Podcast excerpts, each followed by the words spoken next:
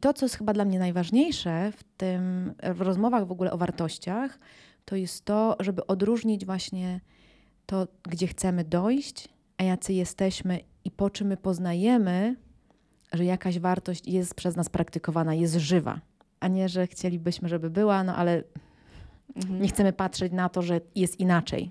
Bo to o to chodzi, nie? Że zobaczmy, jak jest, bo dopiero wtedy możemy zobaczyć, co musimy zrobić, żeby dojść na przykład do tej pełnej transparentności.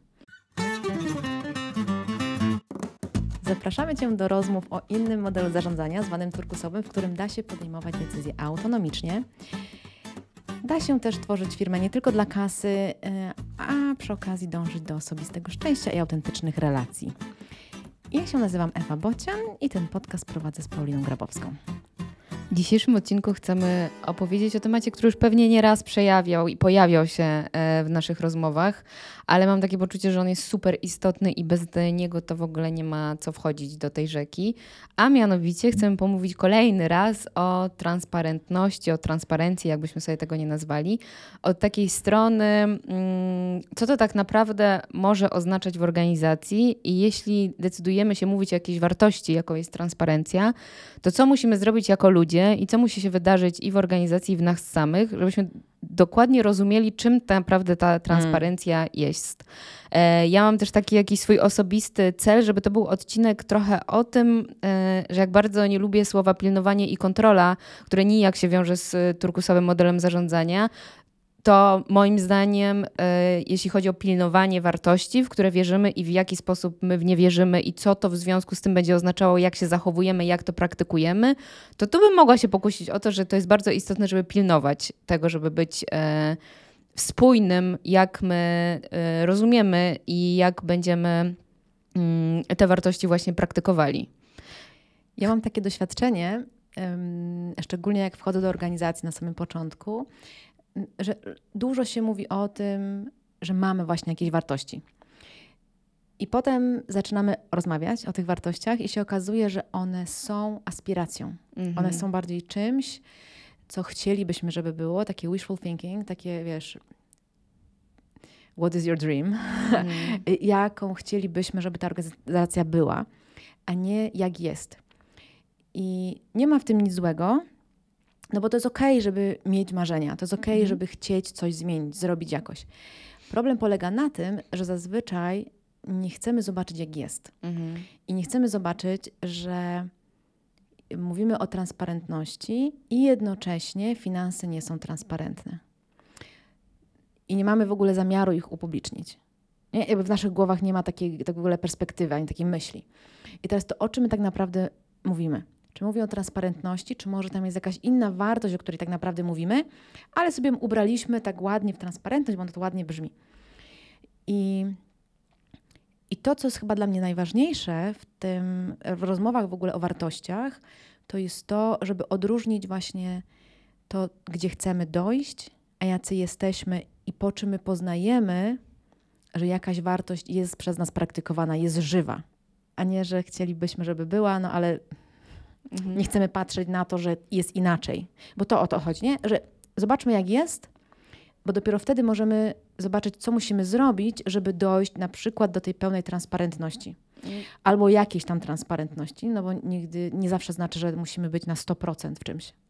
Bo jak Ciebie słyszę, to te wartości, które wyznajemy, mogą być takim kierunkiem, do czego my chcemy dążyć, ale mi by pojawiło się i pojawia mi się takie w głowie pytanie, na ile to jest mój kierunek, a na ile już dzisiaj mogę podejmować decyzje zgodne z tym moim kierunkiem, czyli to, do czego dążę. Jak y, podajesz ten przykład o transparentnych wynagrodzeniach, to no rozumiem, że to jest duży kawałek. E, może teraz dyrektywy unijne jakoś wymuszą na nas, żeby to się wydarzyło szybciej niż później, ale moim ulubionym przykładem to jest mówienie o tym, że jesteśmy transparentni, bardzo nam zależy na tym, żebyśmy wiedzieli, co się dzieje w organizacji, ale jak przygotowujemy jakąś ankietę, gdzie chcemy urządzać wyjazd integracyjny, mm, to zróbmy ją anonimową, bo wiadomo, że łatwiej się, łatwiej się odpowiada anonimowo. Mhm. I to, o czym mówię, to ja rozumiem, że to może być naszym kierunkiem i tak jak to nazywasz aspiracją, do czego chcemy dążyć, no ale co nas powstrzymuje, żebyśmy już dzisiaj zaczęli ją po prostu, brzydko mówiąc, wdrażać i już dzisiaj stosować się do tej wartości i ją w taki sposób praktykować. Przynajmniej ja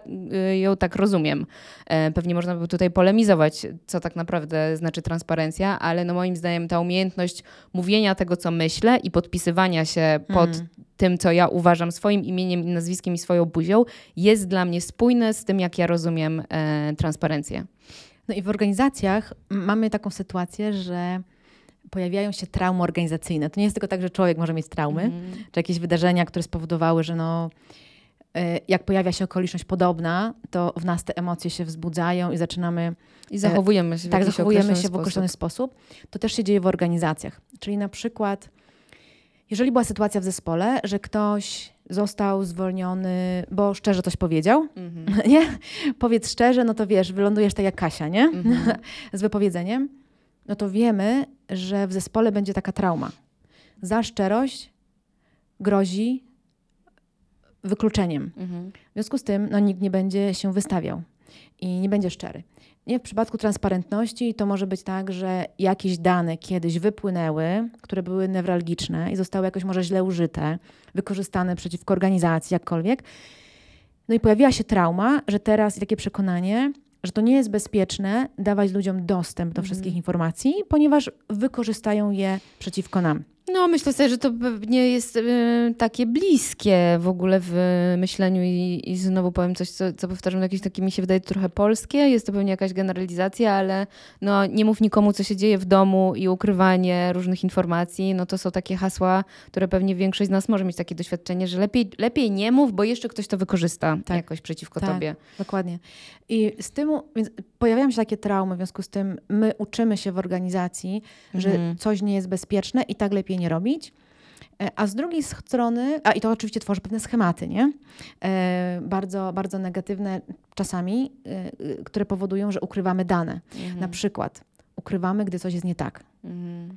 E, gdy ukrywamy, że coś jest nie tak, że nie wiem, jakieś było zdarzenie na produkcji i coś się wydarzyło, albo ukrywamy że jakieś dane finansowe, albo że klient będzie chciał od nas odejść i ja już mam tę tak. wiadomość, tak. ale no boję się, jak inni zareagują, więc decyduję się nie być posłańcem złych wiadomości, a już w międzyczasie coś się zmieni, po czym coś się nie zmienia i prędzej czy później tak. będę musiała powiedzieć jakąś trudną informację. Tak, i uczymy się w ten sposób, i to jest konsekwencja tego, ym, która powoduje, że możemy tak naprawdę wylądować hmm, y, w trudnej sytuacji, hmm. jako organizacja, ponieważ na początku uznaliśmy, że nie jest bezpieczne dzielenie się informacjami, potem konsekwencje prowadzą właśnie do takich różnych zdarzeń, których no, nie byliśmy w stanie przewidzieć. Mhm. I zawsze jak um, podejmujemy jakiekolwiek działanie, jakąkolwiek decyzję podejmujemy w organizacji i myślimy sobie o tym, transparentność jest dla nas ważna, to musimy automatycznie zastanowić się, czy ta decyzja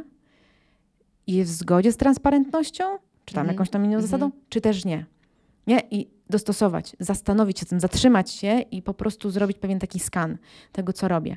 Żeby cały czas to było, wiesz, Czyli rozumiem, że to, co mówisz, czyli na, jeżeli rzeczywiście wypisaliśmy sobie na ścianie, że ta transparencja jest dla nas super ważna, to wobec tego ja będę podejmowała takie decyzje, że to będzie właśnie tym moim kompasem i tak. będę zastanawiała się, na ile ta decyzja, którą ja dzisiaj podejmuję, wspiera tę wartość, jaką jest transparencja.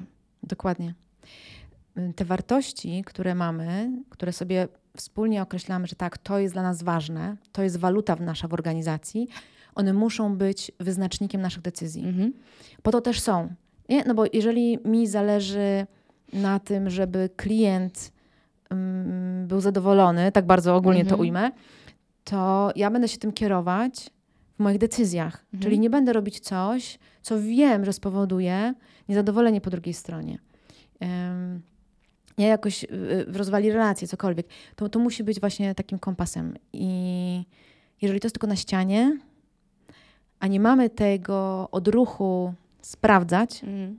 sami ze sobą, z innymi, na przykład widzimy, że ej, ale to chyba nie jest transparentne, nie? Mm -hmm. ale dlaczego chcemy tę ankietę zrobić anonimowo? Bo co? Ale że co się wydarzy, nie? Jakby... Ale czemu się ludzie boją? Bo to jest też fajna rozmowa, nie? Kiedy myślimy sobie tak, no nie mogę podjąć decyzji w zgodzie z tą zasadą, tą wartością, no to co tam jest głębiej? Mhm. I my nie lubimy sobie tych pytań zadawać, bo one są często trudne.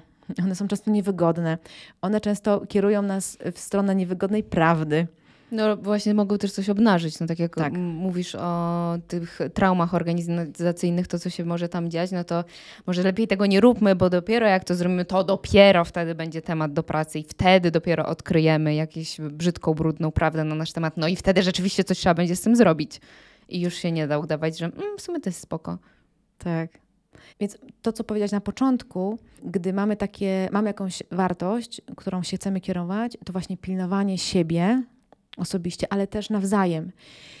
Y, Ustalenie tego, że słuchajcie, jeżeli tak chcemy działać, no to musimy się pilnować, bo Mhm. może nie jest to jeszcze wszędzie dla nas naturalne. W związku z tym, skoro idziemy w tym kierunku, no to stwórzmy sobie jakieś takie praktyki i pozwólmy sobie na to, żeby zwracać sobie uwagę razem Mhm.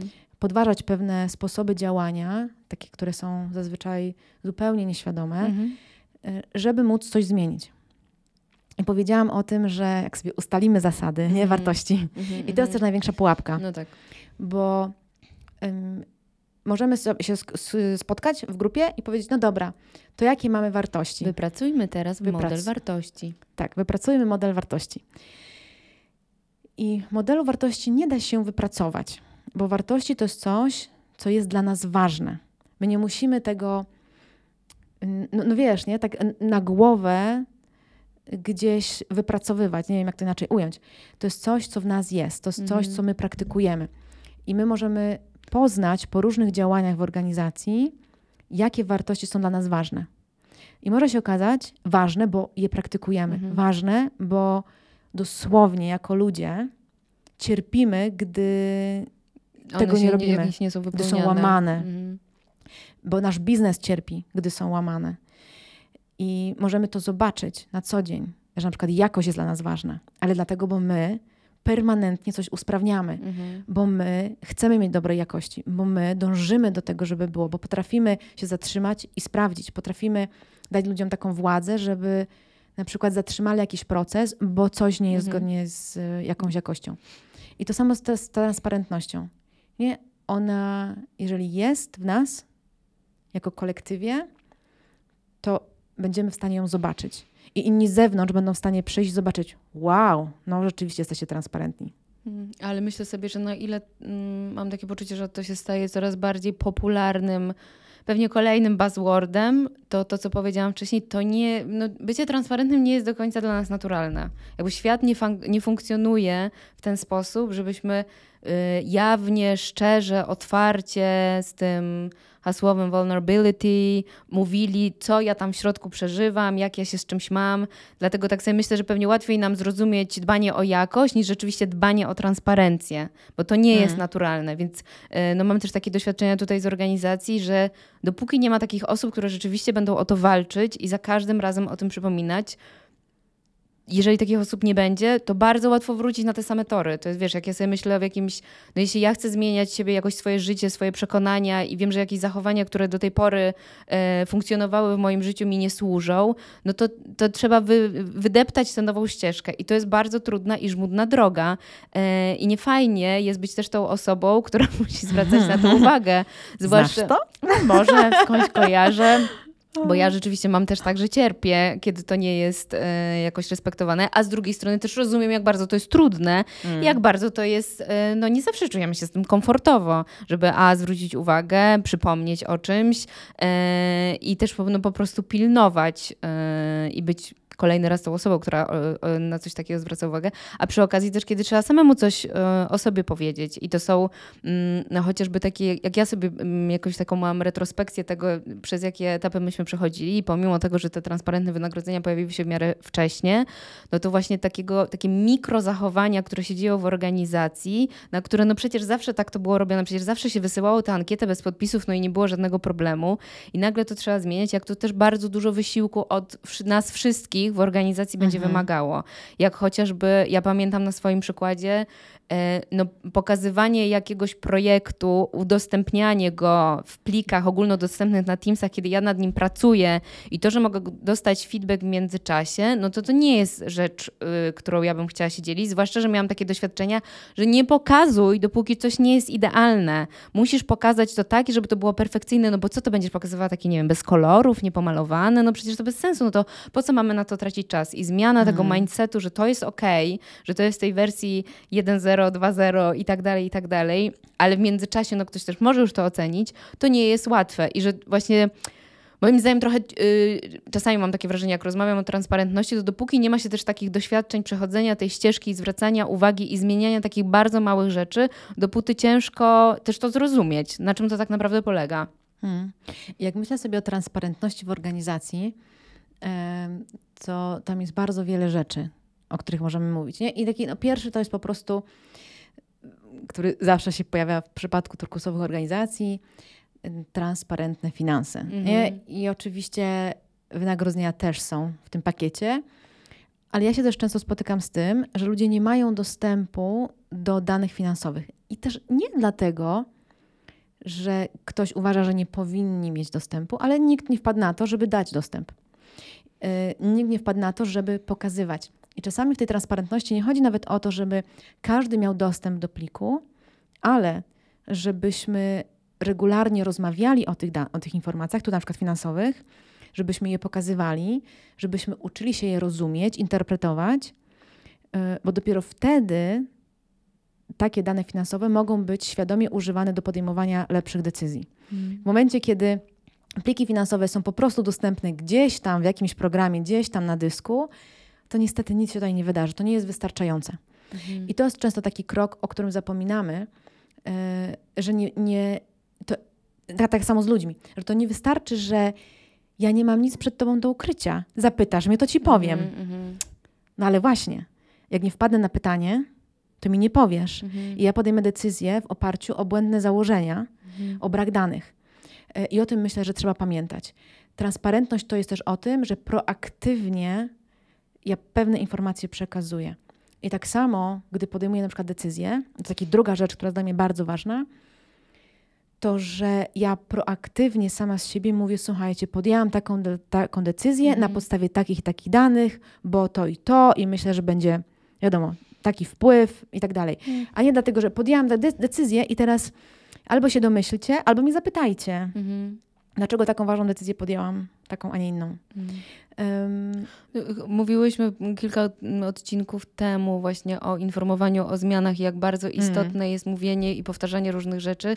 I też uczulę, że zawsze się znajdzie ktoś, kto nie zrozumie do końca tego kontekstu i wpadnie też na takie pytanie, na które nawet my mogliśmy nie wpaść, że coś Tak. może być niezrozumiałe, ale rzeczywiście zgadzam się, żeby, żeby pokazywać ten swój tok myślenia, bo jak sobie myślę o tym, że mi się już jakoś połączyły kropki, to ja też musiałam dojść do tego, jak mi te kropki się połączyły, więc żeby ułatwić komunikację i żeby ułatw- ułatwić rozumienie i właśnie wspierać transparencję, pokażmy te kropki, które e, się łączą. To pewnie jest jakiś jeszcze oddzielny temat, ale jak zawsze to się wszystko miesza w tym wspólnym kotle e, działania, żeby to miało ręce i nogi. tak, i mam taką jeszcze myśl o tym, że mm, mamy taką tendencję jako ludzie, to zupełnie naturalne, że oczekujemy transparentności od kogoś i jak na przykład jesteśmy pracownikiem, to od zarządu. Mhm. Ale zapominamy Mhm. o tym, że jak jesteśmy tym zarządem i na przykład oczekujemy transparentności od pracowników, to że to działa w dwie strony. Chcesz, żebym ja była transparentna? Show me. Wiesz, zacznij. Mm. Oczekujesz tego ode mnie, no to zacznij. Ja oczekuję tego od kogoś, no to ja muszę zacząć, żeby pokazać, że to jest ok. Pokazać, o co mi tak naprawdę chodzi. I nie da się tutaj tego zrobić inaczej. Nie? Jakby transparentność to jest two-way street. Nie da się zrobić tego w taki sposób, że inni mają być, a ja nie. Myślę sobie, że pewnie to jest zawsze trudniejsze, jak em, mówimy o bardziej hierarchicznych organizacjach i No pojawia się tak. ta dynamika no, władzy, jakiegoś przywileju, że rozumiem skąd em, pojawia się to myślenie, no to ty zarządco, szefie, whatever, od ciebie wymagam więcej, jakby naprawdę to kumam. Ale jak sobie myślę o organizacjach czy osobach, które nas słuchają, które chcą iść w drogę większej samoorganizacji, już nawet nie nazywamy tego turkusem, i jakiegoś takiego hmm, bardziej partnerskiego podejścia, wyrównywania i patrzenia na siebie, że tutaj stoją dwie równe wobec siebie osoby. To żeby każda z tych stron właśnie miała to poczucie, że ja mogę gwarantować swoim działaniem e, transparentne zachowania mm, i dopiero wtedy zaczyna się przyglądać, czy ktoś inny nie jest transparentny. Mm. Czyli stała zasada zacznij od siebie e, i tak jak sobie też myślę, bo gdzieś ten temat trochę się pojawił na bazie tej poprzedniej rozmowy odnośnie rekrutacji i rekrutowania przez wartości. Jak sobie myślę o osobach, które do nas przychodzą i których rzeczywiście jara to, że to jest transparentne, widzę wynagrodzenia, mam ten feedback od razu podczas rekrutacji i tak dalej, to też uczulam, to będziemy od Was też oczekiwać tego samego, że Wy też będziecie się tak zachowywać, mhm. że jeśli Wam coś nie będzie pasować, to będziecie o tym mówić, że dacie też ten feedback na rekrutacji. I wyobrażam sobie, że to nie jest też łatwe, biorąc pod uwagę to, że wszyscy mamy jednak doświadczenie z takiej, tej dynamiki świata e, władzy, hierarchii, tego, że od kogoś ja mogę wymagać więcej i no i on to jednak powinien być taki, taki, taki. Mm, ale jeśli decydujecie się iść bardziej w stronę organizacji e, turkusowych, no to pewnie większość z Was będzie oczekiwała od Was też podobnej, no to, no, że to będzie po prostu na równych hmm. zasadach. Myślę sobie teraz o tym, jak to powiedziałaś, że bycie transparentnym może być czasem przerażające. I możemy mieć wiele lęku, wiele obaw na ten temat, i warto o tym powiedzieć. Mhm. I ja widziałam takie sytuacje, w których ktoś, prezentując jakieś dane, których wcześniej nie prezentował, mówił o tym, Boję się, po prostu boję się, co sobie pomyślicie o tym. Nigdy tego nie robiłem. Um, nie wiem, jak o to odbierzecie. Nie wiem, czy zrozumiecie mm. tą decyzję, którą podejmuję i czy ja będę w stanie Wam o tym opowiedzieć mm. w moim mhm. toku rozumowania, tak, żeby to było zrozumiane tak, jak to było i czy nie będzie nieporozumień. I to otwiera taką, taką przestrzeń na dialog, bo jeżeli ja wiem, że ty chciałaś i się starałaś i próbujesz i mówisz o tym, to mi będzie wtedy łatwiej a. założyć pozytywne intencje i b. dopytać, jeżeli coś mi się wyda jakieś dziwne albo niezrozumiałe. Mhm. E, ale ten stres przy wprowadzaniu transparentności w, obszary, w obszarach, które nie były wcześniej transparentne, może być bardzo duży. I warto o tym mówić, i warto o tym pokazywać. I warto mówić o jakie mamy obawy z tym związane, nie? czego się boimy, że się może wydarzyć, gdy ja to zrobię. I miałam jeszcze jakąś jedną myśl, ale chyba zapomniałam. chyba Więc tyle. tyle. chyba tyle. Słuchajcie, yy, zachęcamy Was do followowania naszego podcastu na Spotify, ponieważ my pracujemy na OKR-ach Zewo i mamy swój KR, żeby 600 osób nas obserwowało, więc bardzo Was prosimy o wsparcie w tym temacie. Jeśli macie ochotę, to możecie też ocenić nasz, nasz podcast na Spotify. Yy, followujcie nas na LinkedInie, Instagramie i gdzie tam nas znajdziecie, to nam daje bardzo dużo radości i robi nam się cieplej na serduszku, kiedy widzimy, że nasza praca nie idzie w piach. Mówię za siebie, pomimo tego, że użyłam liczby mnogiej. Dzięki, Paulina. Na razie.